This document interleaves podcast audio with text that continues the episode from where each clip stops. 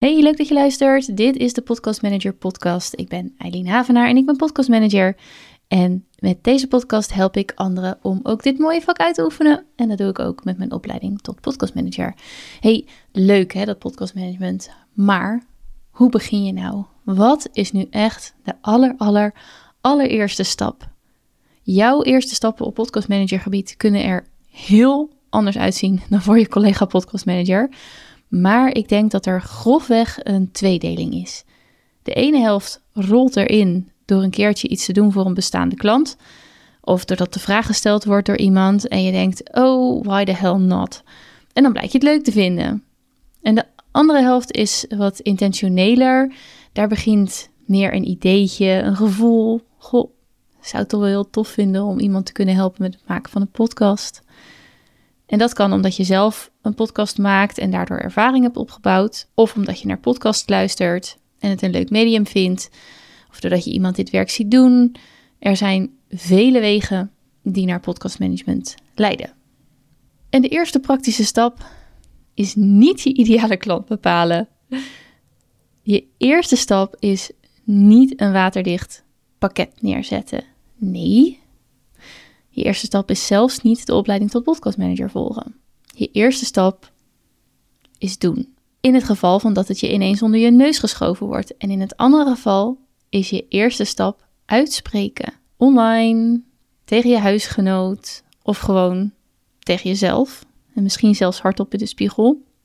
Spreek uit: hey, dit lijkt me tof om te doen. Het is zo simpel, maar op deze manier breng je in je systeem dat je het ook daadwerkelijk gaat doen. Er is namelijk niets mis mee met alvast vertellen dat je deze kant op wilt met je bedrijf. Het, zelfs tegen anderen. Het kan je namelijk alleen maar kansen opleveren. Ik weet nog heel goed het moment waarop ik tegen mezelf uitsprak dat ik podcastmanager wilde zijn. Het was een dag nadat ik bedacht had dat ik de opleiding zou gaan maken. Ik streefde er toen nog naar om podcast coach te zijn. En ik had al wat initiatieven genomen. Uh, zo had ik al uh, twee keer een drieweekse Instagram cursus gedraaid, de Podcast Challenge.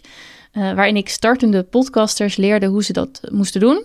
En ze coachte gedurende die, die paar weken. En dan deed ik dat met opdrachten en met posts en met informatie en inspiratie. En dat was hartstikke leuk. Een kaartje kostte 17 euro en oh, wat was het heerlijk om omzet te draaien. Uh, verder gaf ik hier en daar ook gratis online masterclasses. En ik had een online cursus gemaakt, die eerste podcast in 10 stappen. Die had ik ook online gezet. Ik had hem getest met een aantal deelnemers en één keer verkocht met een korting. En ik was over podcasts en podcasten actief op Instagram.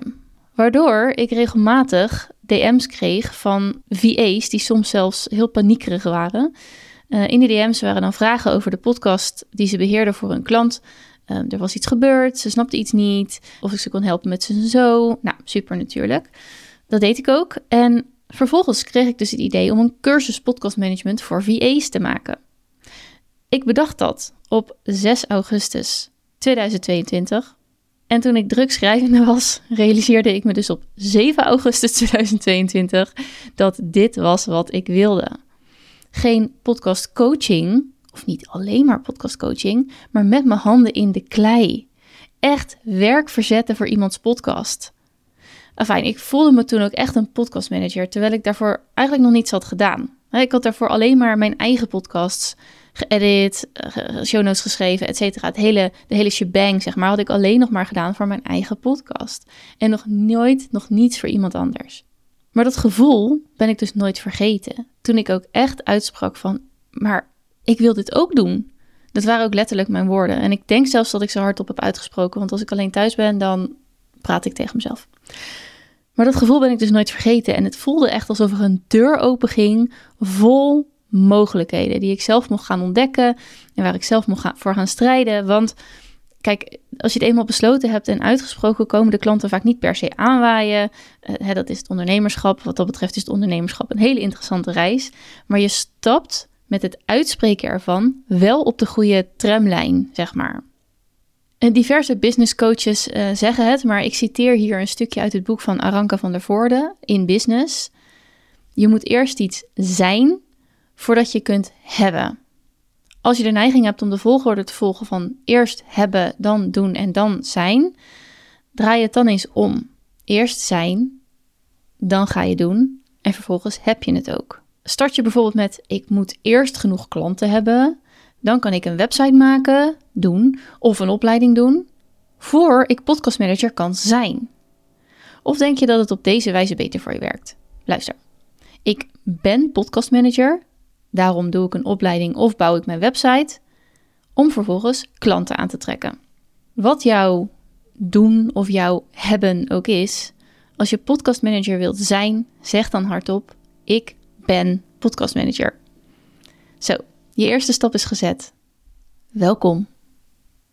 Dankjewel voor het luisteren en tot de volgende.